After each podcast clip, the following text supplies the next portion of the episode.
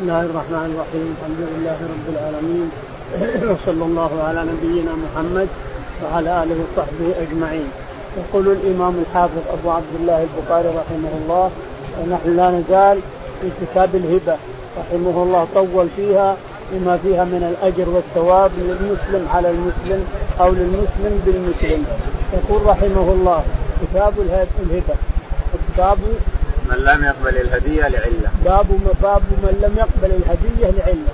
يعني أهدي إليه شيء ورد الهدية ليش؟ لامر لأمر أعظم من كونها هدية لعلة من العلل. فردها عليه. يقول البخاري رحمه الله وقال عمر بن عبد العزيز كانت الهدية في زمن رسول الله صلى الله عليه وسلم وقال عمر بن عبد العزيز الخليفة الخامس رضي الله عنه وأرضاه. وقال عمر بن عبد العزيز الهدية أيام الصحابة هدية لا شك في هذا وتواد وسحاب أما يومنا هذا يوم عمر راح لاحظ. يوم عمر بن عبد العزيز المئتين. عمر بن عزيز على رأس المئتين هو خليفة رضي الله عنه وأرضاه. أما يومنا هذا فهي رشوة. اذا يومنا هذا وش يومنا هذا اللي يعطي رئيس البلدية أو القاضي أو الامير وش؟ هذا أيام عمر برشوة وتسمى أجل يومنا هذا، وش يسمى؟ ما دام أيام عمر بن عبد رشوه، يسمى يومنا هذا اللي يعطي رئيس البلدية أو يعطي القاضي أو يعطي الأمير يريد أن يعطي له حاجته. ولا شك أنها رشوة واخف من الرشوة بعد، رشوة واخف من الرشوة وحرام حين يقبلها من أعطيت إليه. يقول نعم. حدثنا أبو اليمان. أبو اليمان قال حدثنا سعيد بن أبي حمزة. سعيد بن أبي حمزة عن الزهري. عن الزهري قال عن عبيد الله بن عبد الله. عن عبيد الله بن عبد الله بن عتبة قال عن ابن عباس. عن ابن عباس رضي الله عنهما نعم. عن الصعب بن جسامة. عن أن الصعب بن جسامة قتل حمار وحش يريد أن يعطيه الرسول عليه الصلاة والسلام. يعني ناوي حين قتله أن يعطيه الرسول عليه الصلاة والسلام والرسول محرم. فأعطاه فأخذه وأهداه للرسول عليه الصلاة والسلام فرده عليه. فلما رأى الجزع في والجزع والحزن في وجهه ليش ترد على الهدية؟ قال أنا لن نردها عليك إلا ان حرم. سدتها لأجلنا. وأنا محرم. ما يجوز أقبلها يا صعب لا تزعل. يقول إن أنا محرم. وسدتها لأجلي. ما يجوز أن اقبل معنى هذا أن ما صيد لأجل المحرم لا يجوز يأكله أهل الأرض كافة. ما صيد لأجل المحرم. صاده حلال لأجل المحرم هذا. لا لا يحل الأرض كذا. أهل الأرض كافة. أو صيد في الحرم. محرم أو صيد في الحرم. لا تحل لأهل الأرض كافة إذا صيد للمحرم ونواه للمحرم أو صاده وهو محرم قتله وهو محرم فإنه لا يحل لأهل الأرض كافة. لا لا يأكلونه. لأن الله حرم على المحرم الصيد وحرم في الحرم الصيد. نعم. قال رحمه الله دثنا عبد الله بن محمد قال دثنا سفيان بن الزهري عن عروة بن الزبير عن أبي حميد الساعدي رضي الله عنه قال استعمل النبي صلى الله عليه وسلم رجلا من الاسي يقال له ابن اللسية على الصدقة فلما قدم قال هذا لكم وهذا أهدي لي. قال وهلا جلس في بيت أبيه أو بيت أمه فينظر أيهدى إلي أم لا. والذي نفسي بيده لا يأخذ أحد منكم شيئا إلا جاء به يوم القيامة يحمله على رقبته إن كان بعيرا له رقى أو بقرة له خوات أو شاة طيار. ثم رفع بيده حتى رأيناه عبرة إبطيه اللهم هل بلغت اللهم هل بلغت ثلاثا. يقول البخاري رحمه الله حدثنا عبد الله بن محمد. عبد الله بن محمد قال حدثنا سفيان بن عيينة. سفيان بن عيينة عن الزهري. عن الزهري. عن عروة بن الزبير. عن عروة بن الزبير. عن أبي حميد الساعدي. عن أبي حميد الساعدي رضي الله تعالى عنه عن قال استعمل رسول الله صلى الله قال عليه وسلم. أبو حميد الساعدي رضي الله تعالى عنه قال إن الرسول عليه الصلاة والسلام استعمل رجلا يقال له ابن اللتبيه وذهب يجمع الصدقات من الناس فلما رجل أتى إلى الرسول عليه الصلاة والسلام قال هذا لكم وهذا أهدي إلي. فغضب الرسول عليه الصلاة والسلام وخطب المنبر جلس طلع على المنبر وقال إن بعدكم إذا افتناه يقول هذا لي وهذا اهدي لي هلا جلس في بيت أبيه وأمه نشوف هل يهدى إليه شيء؟ ما ما يهدى إليه ولا عد تبريد يروح على صدقاتنا وأمرنا ونهينا. ثم يأتي يقول هذا لكم وهذا اهدي لي لماذا لا جلس في بيت أبيه معنى هذا أن المنكر إذا كان إنسان فعل منكر علنا أنك تامره وتنهاه علنا. إذا كان فعل منكر علنا فتأمره وتنهاه علنا ولا تقول ليش ما سترك على أخيك؟ ليش ما تركته؟ ليش كذا؟ إذا فعل علنا فعل منكر علنا تنكر عليه علنا لأن الرسول أنكر علنا على ابن اللتبيه لما قال هذا لكم وهذا أهدي إلي. قال له هلا جلس في بيت أبيه وأمه يشوف ويهدى إليه ما حد يهدي إليه. لكن ذهب لصدقاتنا رد الهدية ورد الصدقات هاتها كلها لبيت مال المسلمين. لا هديتك اللي يهدى إليك ولا الصدقات كلها تنزل إلى بيت مال المسلمين لفقراء المسلمين. ما هي لاحد إلا لفقراء المسلمين للمسلمين كافة. بيت المال للمسلمين كافة. صغيرهم وكبيرهم ذكرهم وأنثاهم ضعيفهم وغنيهم. للمسلمين كافة بيت مال المسلمين للمسلمين كافة. فارجع الهدية وهات اللي اعطيك وهات الصدقات اللي جمعتها. معنى هذا أن المنكر إذا فعله إنسان علنا تنكر إليه علنا كما فعل الرسول عليه الصلاة والسلام. وإذا عمله سترا متسترا ولم يعلم به أحد ورأيته أنت لك أن تستره حينئذ إذا لم يبلغ السلطان. إذا رأيته وحدك وتريد أن تستر على أخيك المسلم لأن الله يستر من يستر فلك أن تستره إذا لم تبلغ السلطان. أما إذا علنا فعله علنا فالإنكار عليه علنا ضروري. نعم. قال والذي نفسي بيده لا يأخذ أحد منكم شيئا إلا ثم قال الرسول عليه ممثلا والذي نفسي بيده وهذا يمينه دائما عليه الصلاة والسلام لا يأخذ أحدكم بعيرا إلا جاء وله رغى أو يأخذ بقرة يعني يأخذها من غير حقها. يأخذها هدية وهو رايح للصدقات أو رايح يأخذها من غير حقها إلا جاء البعير له رغى أو البقره لها رغى أو الغنم لها رغى على رقبته على رقبته امام العالم كلهم وهو عريان لا يقدر أن يمنع نفسه عن شيء لا يمنع عن نفسه شيء. عريان بين يدي العالم أجمع كلهم موقوفين العالم كلهم أمام رب العالمين وهذا على راسه جمل يصيح يوم القيامة. وهذا بقرة أو شاة كل من غل أو أخذ شيئا بدون حق فإنه يأتي به يوم القيامة عريان وهو على رقبته. إن كان مال وإن كان بعير وإن كان بقرة وإن كان غنمه كله يأتي به عريان يوم القيامة. العالم ينظرون إلى رب العالمين ورب العالمين ينزل نزولا يليق بجلاله وعظمته في غيايا من السحاب وقبكبة من الملائكة. ويفصل بين عباده ويقال يقم فلان يقم فلان. يقم عريان يوم القيامة. عريان أمام رب العالمين. ويقم فلان يقم فلان. باسمه اللي سماه أبوه جده ثم رفع بيده حتى راينا ثم عليه الصلاة والسلام شوف الإنذار لأنه أرسل بشيرا ونذير لأجل الإنذار رفع يديه إلى السماء وقال اللهم هل بلغت؟ اللهم بلغت اللهم هل بلغت؟ هذا فيه إثبات العلو لرب العالمين، إثبات العلو لرب العالمين، والاستواء على العرش، ومعنى الاستواء على واستقر وصعد واستقر، على وارتفع وصعد واستقر، هذا عند جميع علماء السنة والجماعة. باب إذا وهب هبه أو ثم مات قبل أن تصل إليه. قال عبيده إن مات وكانت فصلت الهدية والمهدى له حي فهي لورثته وإن لم تكن فصلت فهي لورثة الذي أهدى وقال الحسن أيما مات قبله فهي لورثة المهدى له إذا قبضها الرسول. قال رحمه الله حدثنا علي بن عبد الله قال حدثنا سفيان قال حدثنا ابن المنكدر. قال سمعت جابرا رضي الله عنه قال قال لي النبي صلى الله عليه وسلم لو جاء مال البحرين أعطيتك هكذا ثلاثا فلم يقدم حتى توفي النبي صلى الله عليه وسلم فأمر أبو بكر مناديا فنادى من كان له عند النبي صلى الله عليه وسلم عدة أو دين فليأتنا فأتيته فقلت إن النبي صلى الله عليه وسلم وعدني فحسى لي ثلاثا. يقول البخاري رحمه الله حدثنا باب إذا وهب هبة أو وعد باب إذا وهب هبة أو وعد عدة فإنه يفي بها حتى لو مات يأخذ ورثته يقومون بها ورثته وإن أعطي عطية ومات قبل أن يقبضها أو قبل فإن لورثة المعطي ترجع لورثة المعطي لأن المعطى ما قبضها لا هو ولا ورثته فترجع العطية.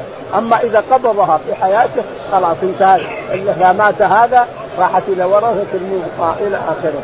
يقول البخاري حتى وقال عبيدة بن عمرو السلماني. وقال عبيدة بن عمرو السلماني إن مات وكان في صلة الهدية والمهدى له حي فهي لولده إن مات والمهدى إليه حي فهي لورثة المهدى إليه يعني. وقد قتلت الميتة إذا كانت قتل إذا كانت قبضت. إذا كانت قبضت فحديقة مثلا أخلاها أو بيت أعطاه مفتاحه أو سيارة أعطاه مفتاحه أو شنطة أعطاه إياها أرسلها في الطريق إليه ووكلت إليه قبل موت هذا فهي لورثة المعطى. أما إن مات قبل أن يفر فهي للمرأة المعطي إلى آخره. وقال الحسن أيهما مات قبله؟ فهي لولدته يقول أيهما مات قبل فهي لمرث المهدى له. لورثه إذا قبضها الرسول. إذا قبضها الرسول مع, مع في الطريق ومات هذا وهي مرسلة إلى فلان في طريقه. وصل إليه وقد مات هذا فهي لورثة المهدى إليه إلى آخره. قال حدثنا علي بن عبد الله. يقول البخاري رحمه الله حدثنا علي بن عبد الله قال حدثنا سفيان بن عيينة قال حدثنا الزهري قال ابن المنكدر عن محمد بن المنكدر محمد بن المنكدر عن جابر بن عن جابر رضي الله تعالى عنه قال قال النبي قال لي النبي صلى الله عليه وسلم لو جاء مال البحرين اعطيته يقول جابر إن النبي عليه الصلاة والسلام وعده. قال لو جاء مال البحرين لاعطيتك يا جابر. فمات الرسول عليه الصلاة والسلام ولم يأتي مال البحرين إلا بعد موت الرسول. مع العلاء بن الحضرمي رضي الله عنه. العلاء بن الحضرمي هو رسول الرسول إلى البحرين. يجمع صدقاتهم ويجعل اجمع أموالهم ثم يأتي بها إلى النبي عليه الصلاة والسلام. فقال له الرسول لو جاء مال البحرين لأعطيتك. فكان لما فمات الرسول قبل أن يأتي المال. وخلف أبو بكر الصديق وبعث أبو بكر منادا ينادي من كان له عند الرسول عدة أو موعدة أو شيء من هذا فليأتنا. يقول جابر فذهبت إلى ابي بكر الصديق رضي الله عنه فقلت إن الرسول وعدني عدة إذا جاء مال البحرين يأتيني. قال خذ. يقول فأخذت 500 قال خذ مثلها مرتين فأخذ يعني 1500 درهم. نعم. باب كيف يقبض العبد والمتاع وقال ابن عمر كنت على بكر صعب فاشترى النبي صلى الله عليه وسلم. وقال هو لك يا عبد الله؟ قال رحمه الله حدثنا قتيبة بن سعيد قال حدثنا الليث عن ابن أبي مليكة عن المسور بن مخرمه رضي الله عنهما أنه قال قسم رسول الله صلى الله عليه وسلم اقويته ولم يؤت مخرمه منها شيئا. فقال مخرمه يا بني انطلق بنا إلى رسول الله صلى الله عليه وسلم. انطلقت معه فقال ادخل فقال ادخل فادعوا لي قال فدعوت له فخرج إليه وعليه قباء منها فقال قبعنا هذا لك قال فنظر إليه فقال رضي مكرمة. يقول البخاري رحمه الله باب كيف يقبض العبد والمتاع؟ كيف يقبض العبد والمتاع، يعني إذا عطى كيف تقبض العبد؟ تقبضه من صاحبه ذهبوا فيها ثم تاخذه تأخذه وتأتيه بيتك الإنسان. والمتاع تنقله إلى بيتك الإنسان بإذن صاحبه. المعطي تستأذنه. هذا العبد وهبتك له يا فلان. وهبته لك هذا العبد وهبته لك. تعال يا فلان. يسمي العبد باسمه ثم يذهب به إلى بيته. خلاص يسمى قبض أو متاع. قال خذ هذا المتاع فقد وهبتك إياه. ثم يقبضه. فقد صار من من تركته وله ولو ورثته. يقول البخاري نعم. وقال ابن عمر كنت على بكر صعب يقول ابن عمر رضي الله عنه كنت على بكر صعب يعني بكر جمل صغير صعب يروح يمين يروح يسار ما يهتدي. لأنه ما بعد ذلل ما بعد ذلل حتى يركب. إنما بكر صغير يروح يمين يروح يسار يقول يقول فاشتراه الرسول عليه الصلاة والسلام ووهبه لعبد الله بن عمر. أخذه من عمر ووهبه لعبد الله بن عمر رضي الله عنه. وقال هو لك. وقال هو لك. يقول الرسول هو لك يعني ها هبه هدية لك يا عبد الله بن عمر. نعم. قال حدثنا قتيبة بن سعيد. يقول البخاري حدثنا قتيبة بن سعيد قال حدثنا الليث بن سعد. الليث بن سعد قال حدثنا ابن أبي مليكة. ابن أبي مليكة عن المسور بن عن المسور بن مخرمة أن مخرمة أبو المسور أعطى الرسول عليه الصلاة والسلام جاءته أقبية. القبا هو الثوب الطويل اللي يصل إلى الكعبين. ثوب طويل يصل إلى الكعبين. العادة إن الملابس أو الثوب الثوب اذا قيل ثوب هو الذي أربع اذرع وخمسه اذرع واربعه ارزل ويلفه الإنسان هذا يسمى ثوب. أما القبا والقميص والأشياء فالقبا اللي يصل إلى الكعبين ثوب تلبسه الإنسان وله أزارير. ولهذا يقال إن الرسول عليه الصلاة والسلام خرج مرة وعليه قبا مفكك من أزاريره. ورد هذا لكن بعض الناس يتخذ يقول ما دام ورد أنا بخاف اختلف. الزمان اليوم اختلف. صار لي اجاريك وصدرك طالع بين الناس ما اختلف الزمان اليوم. فالشاهد أن النبي عليه الصلاة والسلام خبأ لمخرمة لأنه شديد غضب يغضب يغضب ويتكلم وشديد. مرة له مخرمة. فأتى فقال لولده المسور أدنا إلى الرسول عليه الصلاة والسلام. ان نشوف ليش أعطى الناس وأنا ما أعطاني. ويعرف ويعرف الرسول عليه الصلاة والسلام أنه صاحب حده حدة وشدة. فلما خرج دق الباب قال ادعوه لي. فدق الباب خرج الرسول عليه الصلاة والسلام ومعه قباء. قال قبأت هذا لك يا ابني قبأت هذا لك قبأت هذا خذه خذه. فأخذه ولبسه رضي مخرمه رضي مخرمه لأنه جاي النبي يتكلم ويبي يسب يبي. لكن لما أعطاه القباء قال هذا قبأته لك يا مخرمه قبأته لك قبأته لك. فلبسه رضي مخرمه رضي مخرمه الحمد لله اللي هدى وكفانا شر الرسول عليه السلام أعطاه إياه. هو حق الرسول ونسيه. الرسول نسي نسي مخرمه. وحقه الذي به له للرسول أعطاه مكرمه لأجل يكتفي شره. نعم إلى آخره. معنى هذا أن الإنسان إذا رأى أن هناك شر لأحد وأنه يعطي هذا ويعطي هذا وراى إنسان فيه شر وقد يثور وقد يتكلم وقد يسب أنه يعطيه ما وجد من عنده. باب إذا وهب هبه فقبض الآخر ولم يقل قبل قال رحمه الله دثنا محمد بن محبوب ولا دثنا عبد الواحد ولا دثنا معمر بن الزهري عن حميد بن عبد الرحمن عن أبي هريرة رضي الله عنه قال جاء رجل إلى رسول الله صلى الله عليه وسلم فقال هلكت فقال وما ذاك؟ قال وقعت بأهلي في رمضان. قال تجد رقبا؟ قال لا. قال بل تستطيع أن تصوم شهرين متتابعين؟ قال لا. قال فتستطيع أن تطعم ستين مسكينا؟ قال لا. قال فجاء رجل من الأنصار بعرق والعرق المكتل فيه تمر فقال اذهب بهذا فتصدق به. قال ألا وجه منا يا رسول الله. والذي بعثك بالحق. ما بين لابتي أهل بيت أحوج منا. ثم قال فاطم اهلك. يقول البخاري رحمه الله باب إذا وهب هبة فقبضها الآخر. إذا وهب هبة فقبضها الآخر ولم يقل قبلت ما قال قبلت إنما قبضها وذهب بها بدون أن يقول قبلت لأنه مو شرط الشرط القبض كونه يقبضها. ما هو شرط كونه قبلته يقول وهبتك وهذا يقول قبلته ما هو شرط هذا. وإن كان عند الشافعي شرط. الشافعية إذا باعوك شيء لازم تقول بعتك قال قبلت أو وهبتك تقول قبلت ولا ما يصح عندهم. جاوها الحين وغيرهم من الشافعية إذا بعت شيء أو وهبت شيء قال أخذتك هو أو بعتك هو قبلت أو إلا تقول قبلت ولا ما يصح عند الشافعية. الشاهد يقول البخاري نعم. حدثنا محمد بن حدثنا محمد. قال حدثنا عبد الواحد. عبد الواحد. قال حدثنا معمر معمر.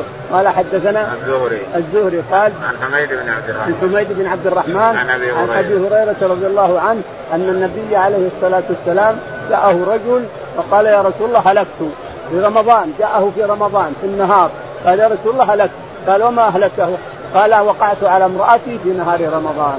وقعت على امرأتي انظر الغريب من هذا أنه اولا ما يجد يعتق رقبة، ثانيا ما يستطيع يصوم شهرين متتابعين، ثالثا ما عنده شيء يأكله، كيف تقع على مرتك وأنت بهذا الشكل، بهذه الصفة، اولا ما عندك رقبة تعتقها، ثانيا ما تستطيع تصوم، ثالثا ما عندك شيء تأكله بنفسك يقوم تقع على المرأة في نهار رمضان. يعني بالليل أهون لكن في رمضان بالنهار فجاء إلى الرسول قال يا رسول الله هلكت ما أهلكك؟ قال وقع على امرأتي في نهار رمضان قال هل تستطيع تقتل رقبة؟ قال لا قال تستطيع تصوم شهرين متتابعين؟ قال لا قال تستطيع أن تصدق على 60 مسكين؟ قال ما لا ما أستطيع ما أجد فجاء أنصاري رضي الله عنهم بعرق يعني مثل فيه حول 15 صاع من التمر فقال خذ هذا تصدق به عنك عنك قال على أفطر مني يا رسول الله. والله ما بين لابتيها اللابة الحرة هنا والحرة هنا والمدينة بوسط الحرة. ما بين لابتيها أفطر مني. فضحك عليه الصلاة والسلام وقال خذه تصدق به على أهلك. فأخذه وقبله بدون أن يقول أن يقول قبلت أو يقول أخذت أو يثني المهم انها أعطاه إياه الرسول عليه الصلاة والسلام وأخذه وأطعمه أهله. معنى هذا أن الكفارة أحيانا تسقط الكفارة أحيانا تسقط وأحيانا تبقى في ذمة الإنسان. كفارة اليمين كفارة الظهار كفارة الوقوع في نهار رمضان. الكفارات أحيانا تسقط وأحيانا تبقى في ذمة الإنسان يطالب بها يوم القيامة. وأحيانا تسقط إلى آخره. باب اللهم اهدنا فيمن هديت. عافنا فيمن عافيت. وتولنا فيمن توليت. اللهم توفنا مسلمين وألحقنا بالصالحين رب العالمين. اللهم صل على محمد.